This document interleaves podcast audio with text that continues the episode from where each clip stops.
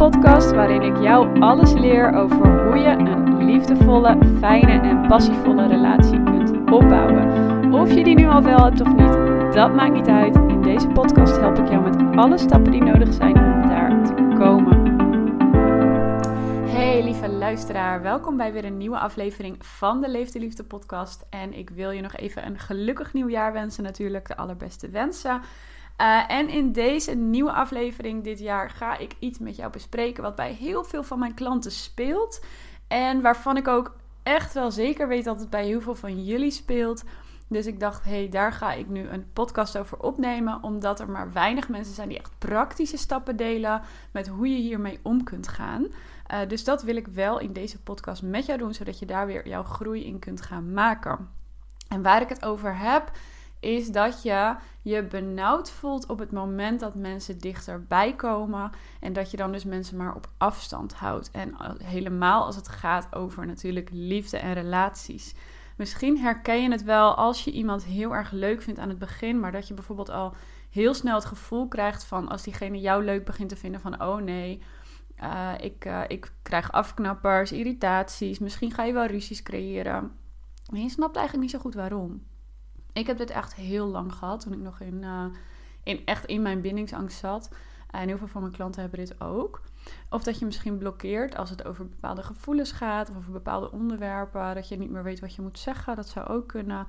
Uh, of dat je krijgt van hè, als iemand jou eigenlijk te leuk begint te vinden. Of uh, te veel complimenten maakt. Of bijvoorbeeld al snel iets voorstelt van naar ouders of vrienden of wat dan ook. En dat je echt op dat moment het helemaal benauwd krijgt en liever wegloopt. Um, zonder iets te zeggen. Het liefst maar gewoon afstand gaat nemen. Zonder dat je echt uit kunt spreken wat het met je doet. Um, misschien heb je ook wel, of herken je ook als je moeite hebt met afwijzen bijvoorbeeld. Ja, dat, ik deed dat vroeger altijd. Ik was niet zo netjes daarin. Ik ging liever, uh, liever gewoon niks meer horen. Dat was lekker makkelijk. Um, en het liefst er kwamen zelfs momenten dat ik uh, naar ging doen. Dus dat ik eigenlijk maar gemeen ging doen of um, lullige opmerkingen ging maken of wat dan ook. In de hoop dat die ander eigenlijk mij zou afwijzen. Dus dat ik diegene maar niet af hoef te wijzen. Dus alles om te zorgen dat ik maar niet hoefde af te wijzen. En dat was ook heel erg een deel van dit stuk. Het niet durven afwijzen en het stuk mensen op afstand houden omdat je het benauwd krijgt als ze te dichtbij komen. Als je de link nog niet kunt leggen, is helemaal niet erg, want daar ga ik je helemaal in meenemen in deze podcast. Maar als allereerste wil ik vooral met je delen van wat het eigenlijk meestal zegt als je mensen niet dichtbij kunt laten komen. En ik zeg meestal, want iedereen is natuurlijk anders. Het kan bij jou iets anders zijn, maar mogelijk herken je jezelf hier wel in. Meestal zegt dat um, als allereerste niet per se ik wil iemand op afstand of ik krijg het benauwd maar een bepaalde angst dat er verwachtingen zijn van jouw kant. Dat iemand anders iets van jou verwacht, wat jij niet kunt of wilt waarmaken. Dat is eigenlijk meestal de onderliggende. En daar ligt weer onder, ja, dan gaan we weer een laag dieper. ik hou van laagjes en van graven. Uh, ik vertrouw eigenlijk niet dat ik mijn eigen grenzen herken. Of ik vertrouw niet dat ik voor mezelf kan staan als mijn grens daadwerkelijk komt. En die gedachte heeft vaker te maken met iets wat vroeger is gebeurd, waar je over je grens bent gegaan, waar je keihard hebt gelopen voor iemand, waar je uh, in pleasen bent vervallen, waarvan je eigenlijk dacht dat je dat nooit zou doen, waar je dus veel te ver over je grens hebt laten gaan door iemand of bent gegaan voor iemand. Um, en daardoor heb je een soort overmatige zelfbescherming gecreëerd van oké, dat wil ik nooit meer. Dus dan kan ik maar beter mensen op afstand houden. En dat is heel erg zwart-wit en er is een heel groot grijs gebied en daar ga ik je in meenemen in deze podcast. Um, maar ik ga je ook vertellen wat het verhaal is van een van mijn klanten, want misschien is dat ook wel iets wat bij jou speelt. En dat zeg ik, er zijn zoveel dingen die in je verleden gebeurd kunnen zijn, daarom noem ik gewoon een paar voorbeelden. Het kan ook iets heel erg kleins zijn wat dit veroorzaakt. Maar vaak is het een van de gedachten. Ik vertrouw eigenlijk niet dat ik voor mezelf kan staan als mijn grens daadwerkelijk komt. Dus je hebt daar bijvoorbeeld de woorden niet voor om daadwerkelijk te zeggen wat, um, dat je iets niet wilt. Dus dan hou je iemand maar op afstand. Meestal heeft het echt te maken met vertrouwen in dat je het zelf niet aan kan. Of dat je die verwachtingen niet waar kunt maken. En die verwachtingen zijn er misschien 9 van de 10 keer helemaal niet. Maar ons brein werkt altijd zo dat het overbeschermend is in plaats van laat jou maar een risico nemen. Ons brein laat ons liever de risico's ehm, niet nemen en houdt ons liever vast waar we zitten. Maar het verhaal van een van mijn klanten zij was ook zo dat ze mensen op afstand hield. Dus ik kreeg het ontzettend benauwd als iemand een compliment naar haar maakte. Uh, of als iemand te dichtbij kwam. Als iemand te snel wilde. Als iemand haar te leuk vond. Terwijl ze dan wel diegene aan het begin heel erg leuk vond. En dan bouwde ze het op. Maar zodra diegene dan haar te leuk vond, ja, dan hield ze het meteen op afstand. En we kwamen erachter dus tijdens samenwerken dat dat te maken had met dat ze ooit heel erg over haar grens heeft laten gaan op seksueel vlak. Uh, dat ze heel erg in haar hoofd had dat ze mannen moest pleasen op seksueel vlak. Uh, dat dat echt een must was. Dat, dat, je, dat je als vrouw dat echt moest doen. En dat je als vrouw ook alles moest geven daarin. En zij had de overtuiging dat als zij iets kreeg, dat ze in ieder geval het tienvoudige terug moest geven. Dus ze wilde eigenlijk maar niks meer krijgen. Want ze had de overtuiging dat ze dan heel veel moest teruggeven. En daardoor had ze ooit een burn-out gekregen. Um, dus dan maar liever niks meer ontvangen. En als je daarnaar leeft, dan hou je dus inderdaad alles wat je krijgt op afstand. En dan vind je het heel eng als mensen je iets geven, want dan heb je het gevoel van: oh jee, maar als, als diegene mij iets geeft en ik neem dat aan, dan moet ik het tienvoudige teruggeven. Bijvoorbeeld, dit was dus haar verhaal. En daar kwamen we achter in een meditatie die wij deden samen. En daardoor ontdekte ze eigenlijk dat ze toen had bedacht in die situatie. Van dat ze over haar grens liet gaan op seksueel vlak. Dat ze toen had bedacht dat ze machteloos was en dat ze daar niks aan kon doen. Maar nu zag ze dus, met de volwassenheid die ze nu heeft en het bewustzijn wat ze nu heeft, van hé, hey, ik had daar wel iets aan kunnen doen. Ik had het wel kunnen voorkomen. Ik had voor mezelf kunnen staan. Dus ik weet nu, en dat gaf haar heel veel vertrouwen. Ik voel nu dat als dit wel weer zo ver komt, dat iemand dit doet of dat iemand zich zo gedraagt, dat ik wel voor mezelf kan staan. En ik voel nu ook dat ik niet het tienvoudige hoef terug te geven. Maar dat ik gewoon mag ontvangen en zelf mag kiezen of ik teruggeef, ja of nee. En die twee dingen gaven haar gewoon zoveel nieuw vertrouwen in zichzelf, dat ze nu wel mensen dichterbij durft te laten komen. Dus een van de stappen in dit proces om te ontdekken hoe het komt dat jij mensen uh, niet dichtbij kan laten komen of dat je het benauwd krijgt, en dan heb ik het vooral over liefdesgebied, is bijvoorbeeld wat maakt dat je Ehm, als dit zo is, hè, dat je geneigd bent om jezelf voorbij te lopen in relaties. Welke gedachten of welke overtuigingen heb jij misschien wel onderliggend uh, over wat je moet geven aan iemand anders? En op het moment dat jij iets ontvangt, welke gedachten heb je dan daarover? Op het moment dat iemand jou een compliment geeft, wat denk je dan? Wat zijn dan jouw gedachten? Kun je het compliment ontvangen of wil je het ontkrachten? Of heb je het gevoel om het meteen terug te geven? Als jij een cadeautje krijgt van iemand, wat gebeurt er dan met je? Heb je het gevoel dat je meteen iets terug moet geven? Uh, of krijg je meteen een benauwd gevoel ervan? Of heb je zoiets van: oh, wat leuk dat ik dit ontvang?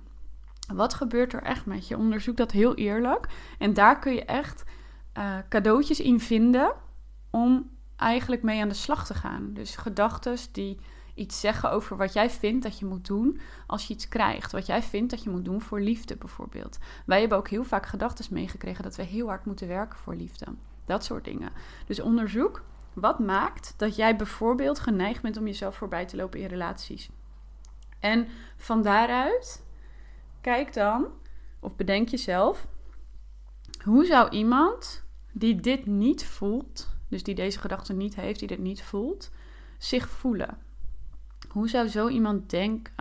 Hoe zou zo iemand zich gedragen in die situatie als het gebeurt? Hoe zou iemand die jouw gedachten niet heeft, reageren in zo'n situatie. En dat kan je ook helpen met de eerstvolgende stap die we nu gaan doen. Uh, de woorden vinden voor wat je echt denkt en voelt op zo'n moment. Zodat je die ook kunt delen. Want wat heel erg belangrijk is, is dat je gaat leren om steeds liefdevol af te wijzen. Zeker als je geneigd bent om um, niks meer te laten horen. Bijvoorbeeld na date. Ik pak nu even date als voorbeeld. Kan natuurlijk ook dat je een relatie hebt, dus die pak ik zo meteen ook. maar stel dat je een date hebt gehad, je vond de date helemaal niet leuk, je wilt geen tweede date meer. Wat doen we vaak? We laten gewoon niks meer horen. Of uh, we zeggen alleen maar, uh, alleen maar van hé, hey, ik hoef geen tweede date meer. Maar 9 van de 10 keer leggen we niet uit wat we eigenlijk echt voelden, wat eigenlijk echt de reden is dat we geen tweede date meer willen. En voor deze fase, als je dit wilt leren, als je mensen dichterbij wilt laten komen, is het heel erg belangrijk dat je wel leert verwoorden wat er nou eigenlijk in jou gebeurt, waarom je geen tweede date wil. En kijk niet alleen maar naar de oppervlakte. Kijk niet alleen maar van, oh, we zijn geen goede match. Maar kijk echt van, oké, maar waarom dan niet? Wat maakt nu dat ik echt het gevoel heb dat ik geen tweede date wil? Welke dingen ehm, in mijn eigen gevoel maakte dat ik dat niet wil? Dus let daarbij niet te veel op de ander, maar let erbij wat er gebeurde in jezelf. Het gaat namelijk uiteindelijk om jouw groei. En niet per se om die van de ander. We zijn heel erg geneigd om te wijzen van ja, jij bent geen goede match voor mij. Ja, jij deed dit verkeerd, jij deed dat verkeerd. Maar kijk eens bij jezelf. Oké, als diegene dat dan deed, wat gebeurt er dan in mij? Um, ik kan wel een voorbeeld van mezelf geven. Ik heb wel eens gedate met iemand waar ik me gewoon emotioneel niet veilig voelde. Omdat elke keer als ik eh, me heel kwetsbaar opstelde, gebruikte diegene dat als een strijd. Middel. Die, diegene die probeerde dat dan nog erger te maken, weet je wel. En dat maakte dat ik me niet emotioneel veilig bij iemand voelde. En dat maakte dat ik geen volgende date wilde. Uh, maar het enige wat ik heb benoemd toen om dit te oefenen was dat wat er in mij gebeurde. Wat gebeurde er in mij? Ik stelde mij kwetsbaar op en daar voelde ik me niet fijn bij, niet veilig bij. En dat is iets waar ik in kan groeien, maar dat maakte wel dat ik geen volgende date wilde. Dus kijk voor jezelf van wat is mijn aandeel, wat is mijn gevoel, wat is mijn ehm, reden dat ik geen tweede date wil. En communiceer dat gewoon. En ik zeg wel gewoon, ik weet dat daar van alles tussen zit, daar kom ik zo meteen op. Maar je eerste stap is wel om echt te gaan uitleggen aan mensen: oké, waarom doe ik dit dan? Wat is dan de reden? Hoe voel ik me hierbij? Wat is de reden dat ik het doe? Want als je dat gaat oefenen, vind je steeds meer de echte taal voor je gevoel. Wij zijn hier niet gewend om taal te vinden voor ons gevoel. Het is net als een nieuwe taal leren. Net alsof je Chinees of Spaans gaat leren, als je dat nooit hebt gedaan. Uh, ik noem maar even een voorbeeld. Misschien ken je heel goed Chinees of Spaans. Maar net alsof je een nieuwe taal gaat leren, is ook de taal voor je gevoel gewoon zo'n proces. Het is een kwestie van oefenen en ook jezelf confronteren met het oefenen. Als je het nooit oefent, leer je taal ook niet. En dan kun je bijvoorbeeld zeggen: Ja, ik ben niet geconnect met mijn gevoel. Maar hoeveel oefen jij om daadwerkelijk je gevoel uit te spreken? Je kan ook zeggen: ik spreek, nooit, ik spreek geen Spaans, maar hoeveel oefen je Spaans? Als ik nooit Spaans oefen, dan spreek ik het ook niet meer. Zo is het ook met de taal voor je gevoel. Maar soms moeten we even dat bewustzijn krijgen van: oh ja, zo werkt het inderdaad. Dat is de reden dat ik het nu niet de juiste woorden voor mijn gevoel heb. Dat ik mijn gevoel niet goed kan uitspreken. Ik heb gewoon nooit geoefend om die taal te creëren voor mezelf. Dus oefen daarmee. En afwijzen is echt een van de beste manieren om daarmee te oefenen. Want als je iemand liefdevol kunt afwijzen, dan leer je echt steeds meer om voor jezelf te staan. Dus zorg ervoor Even een belangrijke toevoeging dat je het met liefdevolle woorden doet en dat je het echt vanuit jezelf doet. Zodra je het moet doen vanuit een nare, een naar gevoel, een uh, ja, zelfbeschermend ego, boos gevoel, geïrriteerd gevoel, dan weet je eigenlijk, ik heb mijn moment gemist om het liefdevol te doen. Dus ik heb niet de juiste woorden gevonden om het liefdevol te doen en die zijn er altijd.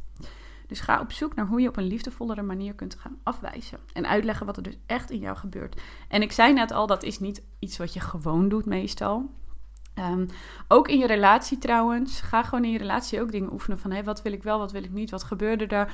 Als je bijvoorbeeld een berichtje krijgt van iemand of waar je je niet goed bij voelt, leg dan uit waarom je je niet goed bij voelt. Als je bijvoorbeeld een hele dag niks hoort van je geliefde en je voelt je daar niet fijn bij, ga dat dan ook gewoon uitleggen. Ga het niet uit de weg.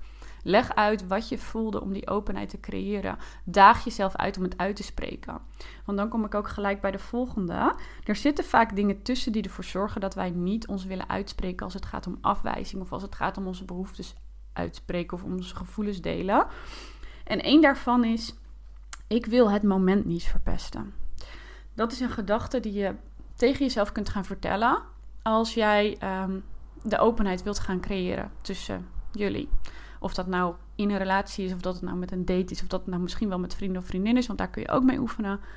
Ehm, ik wil het moment niet verpesten. Dat is een verhaal wat jij jezelf daarover vertelt. En we zijn geneigd om dat tegen onszelf te zeggen, om onszelf een excuus te geven om iets niet te hoeven delen.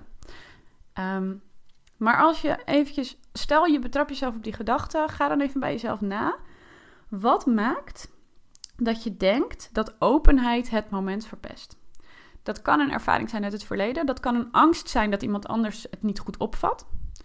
Oké, hoe kan ik dan daarmee omgaan en hoe kan ik ervoor zorgen dat ik wel mijn groei hieruit haal? En draai het ook eventjes om. Wat zou je zelf fijn vinden dat de ander doet op het moment dat er iets speelt? Wil je dan dat de ander blijft verzwijgen omdat het niet het juiste moment is? Of vind je het eigenlijk toch uiteindelijk wel fijn dat die ander het heeft gedeeld, zodat jullie allebei kunnen groeien? Ook al gaat misschien eerst even het ego van de ander aan, wat misschien wel gebeurt 9 van de 10 keer. Uiteindelijk help je diegene er wel mee om te groeien en ook jezelf. Want jij creëert meer openheid en jij leert beter te verwoorden wat je echt voelt. Misschien de eerste 10 keer weet je totaal niet wat je voelt. Misschien wel de eerste 20 keer niet.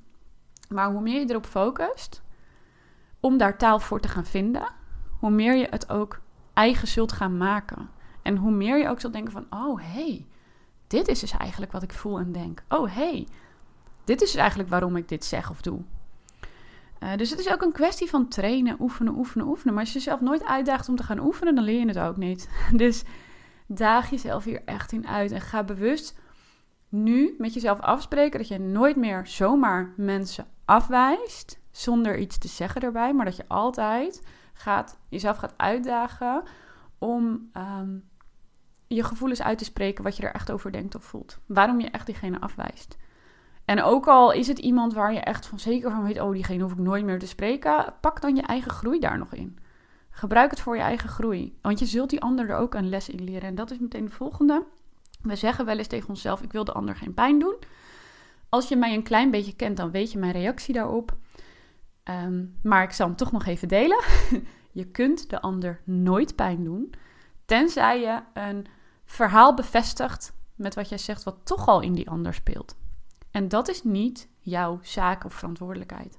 Dus het enige wat je kunt doen met de dingen die jij zegt, is een verhaal bevestigen wat toch al in iemand anders speelt. En dan kan het inderdaad even pijn doen.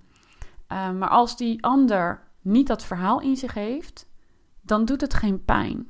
Dus het hangt er helemaal vanaf. Dat is de enige manier waarop je een ander pijn kan doen. Je kunt een ander niet zomaar pijn doen met jouw woorden of jouw verhaal. Dat kan alleen maar als ze een verhaal bevestigen wat er toch al in ze speelt. Of als je een hele slechte intentie hebt, maar daar ga ik even niet van uit.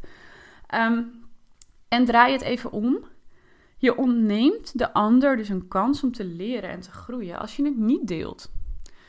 Want als jij gewoon niks meer laat horen, dan blijft die ander in onwetendheid. Dan zal die ander nooit weten wat de reden is dat jij nu wegloopt, of dat je wegstapt, of dat je afstand neemt. Dus uiteindelijk help je diegene alleen maar als je het eerlijk vertelt. En als jij de liefdevolle woorden daarvoor kunt vinden, als je het niet vanuit ego en wijzen doet, maar echt vanuit ik voel me zo en zo hierbij en bij mij gebeurt er dit of dat, als, je, ehm, als jij een compliment geeft en ehm, probeer het echt met jouw liefdevolle woorden te doen. Ik wil daar nooit te veel voorbeelden in geven, want dan maak je er niet je eigen woorden van. Maar als je dat doet op die manier, kan die ander alleen maar van leren en groeien. Doe je het niet, ontneem je jullie beiden een les. Je ontneemt jou de les om je woorden uit te spreken en om een kans te hebben om de taal voor je gevoel te leren. Je ontneemt de ander een les. Ehm, in het leren wat, er wat die daadwerkelijk in iemand los kan maken. Dus zorg ervoor dat je niet van twee mensen de groei ontneemt. Want wij zijn hier om te groeien en te leren. Daar geloof ik heilig in. En als jij je kansen pakt op groei, dan help je anderen daar ook mee. Ook al doe je ze misschien eerst even pijn, ook al raak je ze misschien eventjes. Als niemand ooit geraakt wordt, krijg je ook geen uitdaging om te groeien. En wat zou jij in dit geval ook weer andersom willen? Andersom vind je het ook niet fijn als jij zomaar in onwetendheid wordt afgewezen. Andersom vind je het ook fijn als iemand jou vertelt van... hé, hey, wat is eigenlijk de reden dat ik jou heb afgewezen? Want dan kun je ook groeien en leren. En dan kun je bij iemand anders ook bedenken van... hé, hey, wil ik daar iets mee, ja of nee? Want je kunt gewoon de reden vertellen en die ander mag altijd zelf bedenken of dat hij daar iets mee wil of niet. Dat is ook niet aan jou. Dus hou je eigen verantwoordelijkheid bij jezelf en neem niet de verantwoordelijkheid voor de ander om te bepalen of jij die ander pijn gaat doen, ja of nee. En ik weet dat dat makkelijker gezegd is dan gedaan. I know. Die gedachten kunnen heel sterk zijn. Maar betrap jezelf erop. En hoe meer je dit gaat oefenen, hoe meer je dus echt, en vooral gericht op afwijzing, want dat is vaak iets wat we heel erg spannend vinden. Hoe meer je dit gaat oefenen, hoe meer zelfvertrouwen je zult gaan creëren. En hoe dichter bij je mensen kunt laten komen. Want ik heb nu best wel veel taal voor mijn gevoelens. En er zijn ook echt wel dingen waarvan ik denk, oh ja, waarvan ik achteraf pas leer van, hey, dit was eigenlijk wat ik echt voelde. Ehm, maar op het moment dat ik dat dan voor mezelf echt voel van, hé, hey, ik heb daar de woorden voor, dan kan ik iemand ook weer dichterbij laten komen. Ik vertrouw er 100% op dat ik mensen heel dichtbij kan laten komen, omdat ik precies weet waar mijn grenzen liggen, omdat ik precies kan verwoorden als iemand verwachting van mij heeft. Van hé, hey, wat wil ik wel en wat wil ik niet, wat kan ik geven, wat kan ik niet geven. Uh, ik heb daar echt de taal voor en daardoor ook de connectie met mijn gevoel. En daardoor kan ik mensen dichtbij laten komen al heel erg snel ook. En heb ik daar geen angst voor. Uh, dus dat is eigenlijk voor mij de belangrijkste shift geweest die mensen dichterbij laten komen. En het is heel erg praktisch. Dus ik hoop dat ik jou hiermee weer een inzicht heb kunnen geven. Ehm, en dat je hier weer mee aan de slag kunt en dat je zo ook steeds meer gaat groeien. Ik wil je in ieder geval heel erg bedanken voor het luisteren. En ik zie jou heel graag weer terug bij een volgende aflevering.